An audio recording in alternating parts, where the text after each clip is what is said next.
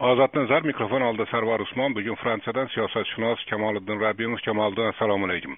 Assalomu alaykum. O'n ikkinchi may kuni gaplashib turibmiz siz bilan. Ertaga o'n uchinchi may va andijon voqealariga o'n besh yil to'ladi to'ldi desak ham bo'ladi. Bu haqda ham albatta gaplasharmiz. O'sha voqealarga bo'lgan munosabatingiz o'zgardimi yo'qmi?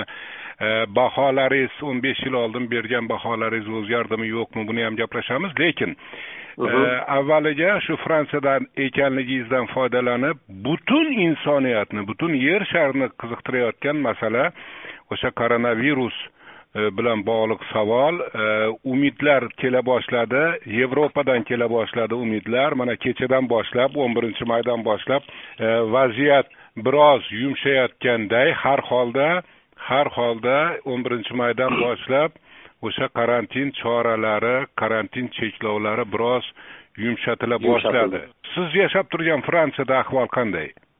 Fransiyada ham kechadan boshlab karantin vaziyati yumshatildi ya'ni e, maktablarga qisman qaytish maktab bog'chalarga qisman qaytishga ruxsat berildi. Unda ham boshlang'ich sinflarga qaytishga ruxsat berildi. Endi e, meni tushunganim bu e, sog'liqni saqlash bilan bog'liq bo'lgan vaziyat o'zgarayotgani yo'q.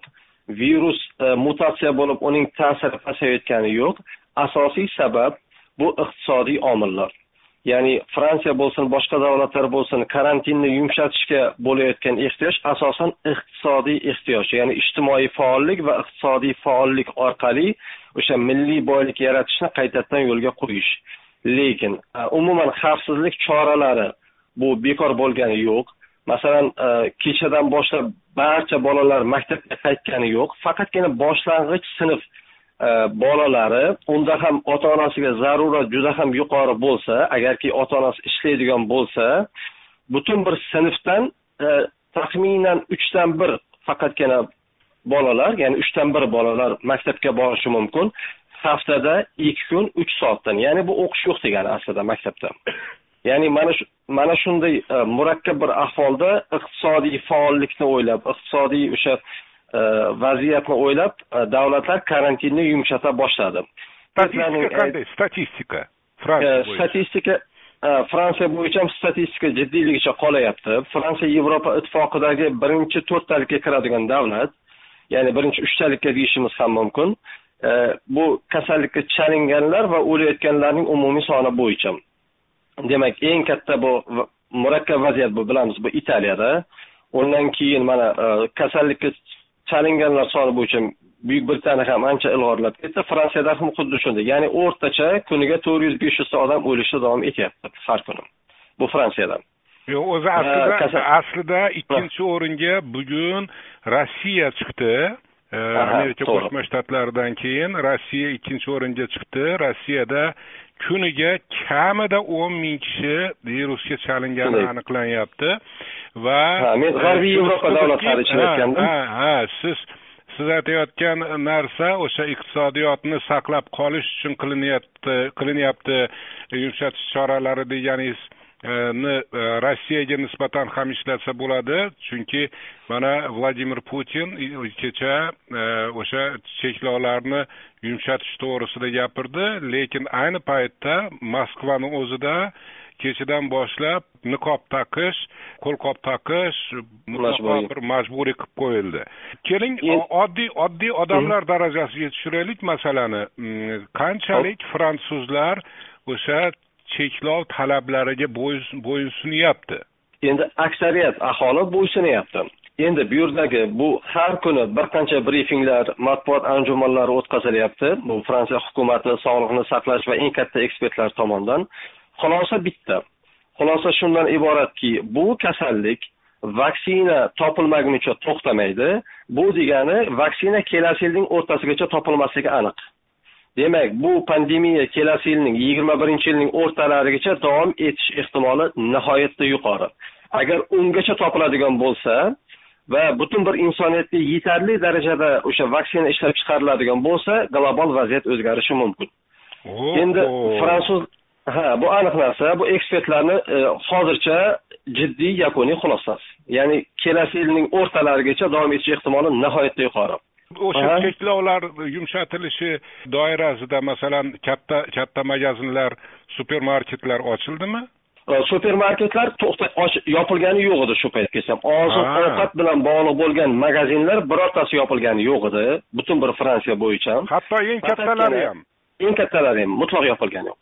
Mutlaq chexiyada chexiyada yopilgan va shunga ruxsat berildi. Endi kechadan boshlab yo'q yo'q bizda bizda bizda oziq ovqat magazinlarini birortasi bir kun yopilgani yo'q. Faqatgina ularda kirishda boshida o'sha karantin boshlanganida xavfsizlik choralari uchun aytaylik magazin ichiga yuzta odam kirgan bo'lsa bitta odam chiqqandan keyin boshqa odam bitta odamni kiritish mexanizmi joriy qilindi. U ma'lum bir muddatdan keyin olib tashlandi endi fransiya zehniyati siyosiy zehniyati nihoyatda liberal deyishimiz mumkin. Jamiyatda jiddiy noroziliklarni o'zim ko'zim bilan ko'rdim. O'sha magazinlarni oldiga borganda odamlar o'sha nazorat tizimini ko'rganligi uchun odamlarda e'tiroz paydo bo'ldi va o'sha yerdagi e, tartib intizom yoki nazoratni amalga oshiruvchi shaxslar e, o'sha pandemiyani yuqmaslik uchun o'sha maska taqib olgan bitta kirgizib bitta chiqarayotgan odamlarga e'tiroz paydo bo'lganda ular aytdiki iltimos e'tirozingizni parlamentimizga prezidentga ayting. Biz faqat ijrochimiz degan narsalarni juda yam ko'p ko'rdik. Ya'ni jamiyatda skeptitsizm liberal davlatlarda liberal jamiyatlarda skeptitsizm hokimiyatga nisbatan va har qanday siyosiy tadbirga nisbatan ishonchsizlik ruhiyati bir tomondan bu demokratiyaning yoki liberalizmning katta bir e, talablaridan bittasi deyishimiz mumkin. Bu fransiyada kuzatildi. Lekin umuman olganda aholi bu tartib qoidalarga rioya qilyapti. Chunki ya'ni bunday katta masalalarda manipulyatsiya qilish aholini aytaylik aldash imkonsiz. Chunki bu yerda kollektiv ekspertlarning xulosasi turibdi. Bilamizki ayniqsa markaziy osiyo xalqlarini shuurida g'arbiy yevropa xususan siz yashab turgan fransiyalar rivojlangan davlat va tan olingan narsa bu kuchli davlat. Lekin shunga qaramasdan mana fransiyada italiyada ispaniyada angliyada kasallikka chalinish darajasi nihoyatda katta nihoyatda baland daraja. Nima bilan izohlanyapti shu narsa? Bu meditsinani meditsinani zaifligidanmi yoki statistikani mukammalligidanmi? Nimadan? Yo'q bu bilasizmi? Bu haqiqatda bu virus bilan bog'liq bo'lgan nihoyatda ko'p va judayam qiziq bo'lgan katta savollar turibdi gigiyena juda yam past bo'lgan aholisi juda yam katta bo'lgan hindistonda vaziyat u qadar bir murakkab emas masalan yoki pokistonda yoki bir boshqa davlatlarda yoki pandemiya hozircha afrikani jiddiy tegingani yo'q masalanda. Ya'ni o'ziga to'q bo'lgan meditsinasi nihoyatda rivojlangan davlatlarda mana shu mana amerika qo'shma shtatlari italiya ispaniya fransiyada vaziyat o'ta murakkab yoki o'sha e, angliyada ham. Lekin qo'shnisi bo'lgan va iqtisodiy jihatdan kardinal farq qilmaydigan germaniyadagi vaziyat sakkiz o'n barobar yumshoq vaziyat. Bunga olimlar javob bera olmaydi hozircha. Va taxminlar borki bu e, virusning qandaydir bir genlarga ta'sir qilish potensiali bor degan taxminlar bor lekin olimlar uzr kesil javob bermayapti. Bu birinchisi. Ikkinchisi olimlar aytyaptiki yo'q hali xulosa qilishga juda yam erta. Afrikaga ham hindiston pokistonga ham boshqa davlatlarga ham hali ta'sirini o'sha pandemiya tugagan paytda aytish kerak. Hali juda yam erta. Ularga kech borishi mumkin. Ta'siri juda yam e, vaziyati og'ir bo'lishi mumkin degan xulosalarni aytadi. Mana bir asr oldin roppa rosa bir asr oldin ispan vabosidan eng katta aziyat chekkan davlat bu hindiston. Ya'ni o'sha paytda taxminan ellik yuz million odam o'lgan deb taxmin qilinadi. Aniq statistika mavjud emas. Undan eng katta o'sha talofat bergan eng ko'p aholi o'lgan davlat bu hindiston. Endi hozir bu g'arb o'ziga to'q bo'lgan g'arb davlatlarida boshlanyapti mana shunday ta'siri. Lekin ta'siri hali aytganimdek kamida bir yil davom etishi ehtimoli yuqori. Yo balki balki o'sha hisobga olish mexanizmida qandaydir bir noqislik bordir. Endi bilasizmi qarang. buzib yo'q statistika endi yo'q men o'ylaymanki yo'q bu bu hindiston pokiston u masshtabli katta bir e, ko'lamdagi o'lim holatlari kasallik holati bo'lsa hech bir davlat yashira olmaydi yashirishdan manfaatdor bo'lmaydi. Hindiston bilamiz baribir anchagina demokratik davlat. To'g'ri meditsinasi zaifdir lekin demokratik davlat. U yerda har qalay e, pluralizm bor siyosiy partiyalar o'rtasidagi raqobat juda yam kuchli. Va ya'niki bitta hukumat markazlashgan hukumat butun bir raqamlarni monopol e, shaklda nazorat qila olmaydi hindistonda yoki boshqa bir demokratik davlatlar bor. Osiyo tinch okeani havzasidagi boshqa davlatlarda ham. Lekin ularda vaziyat nisbatan hozircha yumshoq. Lekin yevropani o'zida mana e, germaniyadagi vaziyat bilan fransiyadagi vaziyat jiddiy farq qiladi. To'rt besh barobar farq qiladi. O'sha o'lim sonini olib qaraydigan bo'lsak. Demak bu yerda boshqa bir omillar borda qandaydir? Balki balki meditsinani pulli ekanligi bilan bog'liqdir masalan Endi, masalan siz siz xudo ko'rsatmasin siz o'sha virusga chalinib qolsangiz menda endi yo'q men pul to'lamayman. Menda birinchidan strafovka bor va umuman fransiya sotsial demokratik davlat sifatida mana yevropa ittifoqidagi aksariyat davlatlar bu sotsial demokratik davlatlar. Ya'ni biz bu jihatdan amerikadan jiddiy farq qilamiz amerikadan angliya ham katta farq qiladi. Chunki angliyada ham strafovka juda yam yaxshi yo'lga qo'yilgan. Amerikada unday emas. Tibbiy sug'urta tibbiy sug'urtani ya'ni aytyapsiz tibbiy tibbiy sug'urta bu yerda majburiy fransiyada. Agarki odam o'zi to'lay olmasa uni davlat ko'taradi. Odam oyligiga qarab masalan o'zi ko'targanda ham katta pul to'lamaydi. Ya'ni aynan shifoxonaga yotish va inson e, o'sha tibbiy xavfsizlik uchun zarur bo'lgan har qanday yordamni cheklanmagan miqdorda inson ola oladi fransiyada hattoki uni siyosiy maqomi o'sha qochqin maqomi bo'lmasa ham birorta hujjati bo'lmasa ham unga yordam beriladi fransiyada. Endi boyadan beri ikki marta germaniya bilan qiyosladingiz fransiyani va boshqa g'arb davlatlarini. Germaniyada vaziyat yaxshi dedingiz balki o'z- o'zi umuman bilamizki germaniyani e, tibbiyoti e, o'ta rivojlangan balki shu bilan bog'liqdir. Fran- fransuzlar shu qadar orqada qolib ketganmi yo'q u qadar orqada qolib ketgan deb o'ylamayman. Endi e, bir olti sakkiz baravar u yerda o'lim foizlari kam. E, Germaniyada kuzatib boraman. E, Fransiyada yoki italiya yoki mana ispaniyada bu davlatlarda. Endi masalan italiyada tartibsizlik anchagina boshida ko'zga ko'rindi. Aholi unga karantinga rioya qilmadi. Ho'p lekin fransiyada unday emas ispaniyada unday emas. Bu davlatlarda har qalay tibbiyot ancha yaxshi yo'lga qo'yilgan va hokimiyat bilan jamiyat o'rtasidagi muvofiqlashuv yuqori deyishimiz mumkin. Endi e, haqiqatda tartib intizom germaniyada yuqoriroq bo'lsa kerak lekin tibbiyot tizimi u qadar kardinal bir necha barobar farq qiladi deb o'ylamayman.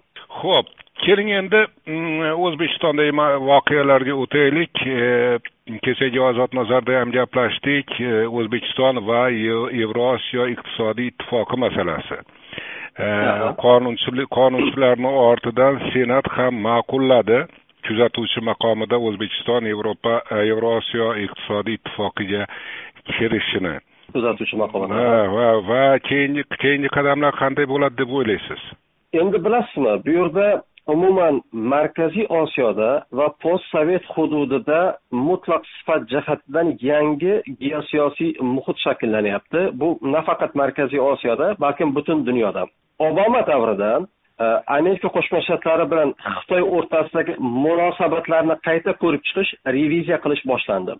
Obamaning asosiy doktrinasi bu xitoy bilan iqtisodiy aloqalarni uzish va xitoyga ko'chib ketgan amerika e, sanoatini amerikaga qaytarish bo'ldi.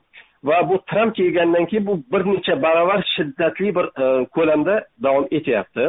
Va bu faqatgina o'sha umuman amerika va xitoy o'rtasida savdo iqtisodiy urushi bo'lyapti. Va mana shu fonda Э, mana qirim voqeasidan keyin qrimni anneksiya qilinishidan keyin anchagina arazlab turgan rossiya bilan xitoy o'rtasida bugun juda ham kuchli ittifoq paydo bo'ldi deyishimiz mumkin. Buni yevrosiyo iqtisodiy ittifoqqa to'g'ridan to'g'ri aloqasi bor buni hozir to'xtalaman. Agar burada bir qancha elementlar borda mana o'tgan yilning oxirida toshkentda bir yig'ilish bo'ldi. O'zbekiston deputatlari senatorlari taklif qilinib rossiya elchisi elchixonasi Э, e, bamisol hisobot so'ragandek bo'ldi. Ya'ni yevropa ittifoqiga kirishlaring qanday bo'ladi? Sizlar buni qanday ko'rasizlar deb. Ya'ni bu ohista diplomatik bosim edi. Kirsalaring ham kirasizlar kirmasalaring ham kirasizlar deb. Buni ikkita elchixona tashkil qildi. Birinchisi rossiya elchixonasi ikkinchisi xitoy elchixonasi. Umuman rossiya va xitoy o'rtasida markaziy osiyo borasida to'laqonli geosiyosiy koordinatsiya muvofiqlashuv bugungi kunda kuchayib boryapti. Mana markaziy osiyo davlatlari jumladan turkmanistonda ham neytrallik bor edi. Mana turkmanistonda ham yaqinda g'alaba e, paradi bo'ldi. E, to'qqizinchi may bilan bog'liq. Ya'ni e, bugun xitoy va rossiyaning asosiy intilishi shundan iboratki demak rossiya xohlaydi markaziy osiyoni to'laqonli o'zining geosiyosiy ta'siriga olishni va bu borada xitoy markaziy ya'niki rossiya federatsiyasiga o'zining qo'lidan kelgancha yordamini berishdan manfaatdor. Nima uchun? Chunki xitoyning asosiy xavotiri bu uyg'ur shinjon e, separatizmi mustaqilligi mana o'tgan yili e, e, yilning boshida ya'ni yanvar oyida mayk pompeo keldi va uning asosiy yagona xabari ya'niki messeji shundan iborat edi. Biz xitoyga qarshi global koalitsiya tuzyapmiz iltimos sizlar ham kiringlar. Sizlar eng muhim davlatlar bo'lishlaring kerak degan markaziy osiyo davlatlariga mujda yo'lladi. Lekin biz bilamiz mana markaziy osiyo davlatlari endi qozog'iston ancha ohistagina javob berdi lekin o'zbekiston aytdiki iltimos bu ziddiyatlarga bizni aralashtirmang degan bir e, javob berdi. Endi o'zbekiston hokimiyati yangi hukumat biladiki o'zbekistonning fundamental manfaatlarida ikkita o'lcham bor. Birinchisi iqtisodiy ikkinchisi geosiyosiy. Ya'ni geosiyosiy mustaqillik va iqtisodiy hamkorlik. Ya'ni rossiya bilan hamkorlik qilishdan o'zbekiston nihoyatda manfaatdor. O'tgan davrda ya'niki o'zbekistonning eng birinchi savdo iqtisodiy va gumanitar hamkori bu rossiya edi va bo'lib qolyapti keyingi uch yilda to'g'ri hozir xitoy birinchi o'ringa chiqdi. Savdo iqtisodiy o'sha e, tovar оборотda tovar almashinuvida ya'ni biz gaz sotamiz va ko'p texnika uskunalar sotib olamiz. Lekin umuman olganda bizning aloqalarimiz keyingi asrda asosan rossiya bilan bo'ldi. Va mana yangi ma'muriyat davrida iqtisodiy mintaqalar o'rtasidagi hamkorligimiz nihoyatda kuchaydi. Lekin hokimiyat o'zining geosiyosiy mustaqilligini berib qo'yishni xohlamaydi. Lekin bosim borgan sari kuchayib boryapti deb o'ylayman. Moskva tarafidan rossiya federatsiyasi tarafidan va xitoy bu borada rossiya bilan hamkorlik qilib markaziy osiyoni rossiyaning tasarrufiga berishga e, qarshi emas. Lekin xitoyning asosiy mo'ljali bu qozog'istonga kirib olish. Boyagi savolimga yana qaytaman. Navbatdagi qadam qanday bo'ladi? O'sha kuzatuvchilikdan to'laqonli a'zo darajasiga o'tadimi? Endi buni hozir men bashorat qila olmayman. Agarki imkoniyat bo'lsa o'zbekiston hokimiyati bu yevrosiyo ittifoqiga kirmaslikdan manfaatdor chunki ikki davlatlar o'rtasidagi iqtisodiy aloqalar o'zi shundoq ham yaxshi. Ikki davlat o'rtasidagi munosabatlar o'zi shundoq ham yaxshi. Agar yevrosiyo iqtisodiy ittifoqiga kiradigan bo'lsa bir tomondan rossiyaga o'rnatilgan cheklovlar o'zbekistonga ham joriy qilinadi. Chunki biz bilamiz rossiya kredit ola olmaydi. Rossiyaga nisbatan sanksiyalar bor va bir boshqa sabablar bor. Va ikkinchi tomondan o'zbekistonning boshqa davlatlar bilan hamkorligi boshqa bir xalqaro institutlar bilan hamkorligi cheklanadi. Buni hokimiyat yaxshi tushunadi. Bu birinchi omil. Ikkinchi omil o'zbekistonda o'tirgan monopolistlar tish tirnog'i bilan bu tashkilotga qarshi ya'ni o'zbekistonni kirishiga qarshi. Chunki ularning yo'qotadigan konkret mablag'lari pullari bor. E, hokimiyat hamma tomondan o'ylab qaraganda bu tashkilotga kirishni istamaydi va imkoniyat bo'lsa imkon qadar orqaroqqa surishga harakat qiladi. Lekin bosimlar va vaziyat shuni taqozo qiladigan bo'lsa o'zbekiston hokimiyati bu ratsional ya'ni sharqona bir usuldagi hokimiyat. Xuddi qozog'iston belorussiyaga o'xshab ho'p hozir kiraveraylik ichkaridan turib vaziyatni ya'niki vaziyatga qarab ish qilaveramiz degan bir e, yondashuv ham bo'lishi mumkin. Chunki rossiyaning qo'lida ma'lum bir bosim e, e, omillari bo'lishi mumkin. Biz bilgan va bilmagan. Shunday bir davlatki davlatlarning ichki muammolarini qo'llash orqali shantaj qilish bosim qilish qobiliyatini bir necha marta ko'rsatdi. Gruziyada ham ukrainada ham va bu postsovet hududidagi hamma davlatlarda shunday imkoniyat bor. Jumladan o'zbekistonda ham. Ho'p e, yana bir mavzu shu kunlarda e, birinchi maydan beri e, juda ko'pchilikni o'ylantirayotgan savol. Sardoba bo'yicha aybdorlar to'liq jazolanadi degan fikringiz bormi yo'qmi? Bu voqea shavkat mirziyoyev uch yildan beri to'plagan obro'sini yuvib ketdi deyish mumkinda judayam xuddi shunday. Bu fikringizga qo'shilaman ya'niki endi dunyo agar e'tibor bersak e, hattoki mo'tadil avtoritar davlatlarda ham ayniqsa demokratik liberal davlatlarda prezident va premyer ministrlarning reytinglari bor. Har oyda haftasiga kuniga u o'lchanib kuzatib boriladi va davlat rahbarlarining reytingi davlat oldiga qo'ygan vazifalarni amalga oshirish uchun juda ham muhim bo'lgan bir instrument hisoblanadi. Ya'ni jamiyat qanchalik hokimiyatga quloq solyapti uni hurmat qilyapti aytganini qilyapti yoki teskarisi degan savol prezident premyer ministrlarning reytingi bilan to'g'ridan to'g'ri bog'liq. Endi mana shu sardoba e, voqeasi prezident mirziyoyevning reytingiga salbiy ta'sir qilganligini hamma yaxshi biladi hamma kuzatib turibdi. O'ylaymanki bu yerda ma'lum bir ziddiyat bor. Ya'ni bir tomondan o'zbekistondagi ijtimoiy barqarorlikni saqlash ikkinchi tomondan siyosiy elitadagi barqarorlikni saqlash. Mana shu o'rtasida shu paytgacha prezident muvozanat saqlashga harakat qilib keldi. Lekin bugungi kunda keyingi davrda mana shu ziddiyat anchagina kengayyapti kuchayyapti nima uchun? Bu faqatgina o'sha e, sardoba emas. Masalan o'sha jurnalistlar bilan bog'liq mana keyingi paytda bir qancha jurnalistlar ishdan bo'shadi boshqa bo'ldi va bu u yoki bu davlat mulozimining e, dunyoqarashi yoki uni shu paytgacha shakllangan reputatsiyasi bilan bog'liq. Endi endi bilasizmi shavkat mirziyoyev balki bundan keyin ham ijtimoiy barqarorlik va siyosiy elita o'rtasidagi barqarorlikni muvozanatda ushlashga harakat qilishi mumkin lekin yoki u tomonga yoki bu tomonga biroz og'ishishiga to'g'ri keladi aslida. O'ylaymanki ma'lum bir ma'noda aybdorlar jazolanadi lekin shavkat mirziyoyev agar e'tibor bersak uch yil keyingi uch yil davomida bir qancha inqirozlar bo'ldi. Mana kun uz jurnalistlariga bosimda inqiroz bo'ldi. O'sha so'z erkinligiga nisbatan bosim sifatida yoki bir mana farg'ona viloyatida yoki boshqa bir viloyatlarda. Va har safar ichki mexanizmlar orqali amaldorlarni tartibga chaqirdi lekin boshlangan islohotlar siyosatini sekinlashtirmadi to'xtattirmadi.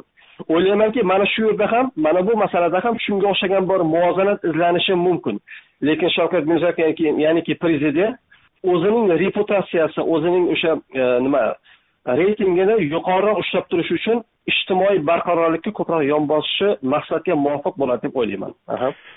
Ha yaxshi. Keling endi suhbatimiz boshida tilga olganimiz voqea. Mm, ertaga o'n uchinchi may andijon fojiasiga o'n besh yil to'lyapti o'n besh yildan beri bu masalada mm, bir qarashlaringiz o'zgardimi? O'zi umuman nimani o'ylayapsiz shu shu sana arafasida?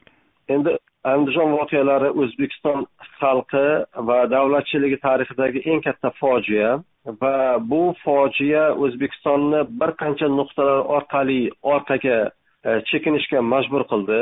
O'zbekiston mintaqadagi liderlik maqomini e, yoki da'vogarlik maqomini yo'qotdi. O'zbekistondagi demokratik e, fuqarolik jamiyati shakllanish jarayonlari to'laqonli uzildi. O'zbekistondan juda ham ko'plab faollar chiqib ketishga majbur bo'ldi va umuman o'zbekistonning global reputatsiyasiga andijon voqeasi juda ham katta salbiy ta'sir qildi va eng asosiysi bu juda ham ko'plab oilalar va shaxslarning hayotidagi eng dahshatli bir voqea fojia bo'ldi deyish mumkin. E, shunga o'xshash voqealar shunga o'xshash fojialar e, takrorlanmaydi degan bir e, his bormi sizda? Endi bilasizmi e, o'zbekiston jamiyatida e, ijtimoiy e, aytaylik noroziliklar yoki ijtimoiy bo'hronlar bo'lishi bu normal. Har bir jamiyatda bu normal hisoblanadi. Lekin hokimiyat o'zgardi va o'ylaymanki hokimiyat birinchi ma'muriyatning qilgan xatolarini takrorlamaydi. Sababi bir qancha. Ya'ni biz hozir kuzatyapmiz mana yangi ma'muriyat shavkat mirziyoyev hokimiyatga kelganiga uch yarim yildan oshdi. Va o'zbekistonda repressiv mashina to'xtatildi. Ommaviy qamashlar qamoqlardan o'liklar chiqishi va shunga o'xshagan holatlar mutlaq mavjud emas. Bu yaxshi xabar. O'zbekistonda asta sekinlik bilan so'z erkinligi shakllanib boshladi va demakki xulosa qilish mumkin. Yangi hokimiyat o'zbekistonning birinchi ma'muriyat qilgan xatolarni juda ham yaxshi anglaydi va ularni takrorlamaslik uchun chora tadbirlar ko'ryapti. Demak birinchi ya'ni andijon voqeasidagi asosiy xato xalqning ko'chaga chiqishi emas hokimiyat tomonidan ko'chaga chiqqan xalqni aytaylik o'sha e, otilishi edi. Va yangi hokimiyat bunday xato qilmasligini men o'ylaymanki bu bu aniq narsa. Ya'ni men umid qilaman va ishonaman yangi hokimiyat bunday qilmaydi. Tamom fransiyadan kamoliddin rabbimov edi. Rahmat sizga. Rahmat aka salomat bo'ling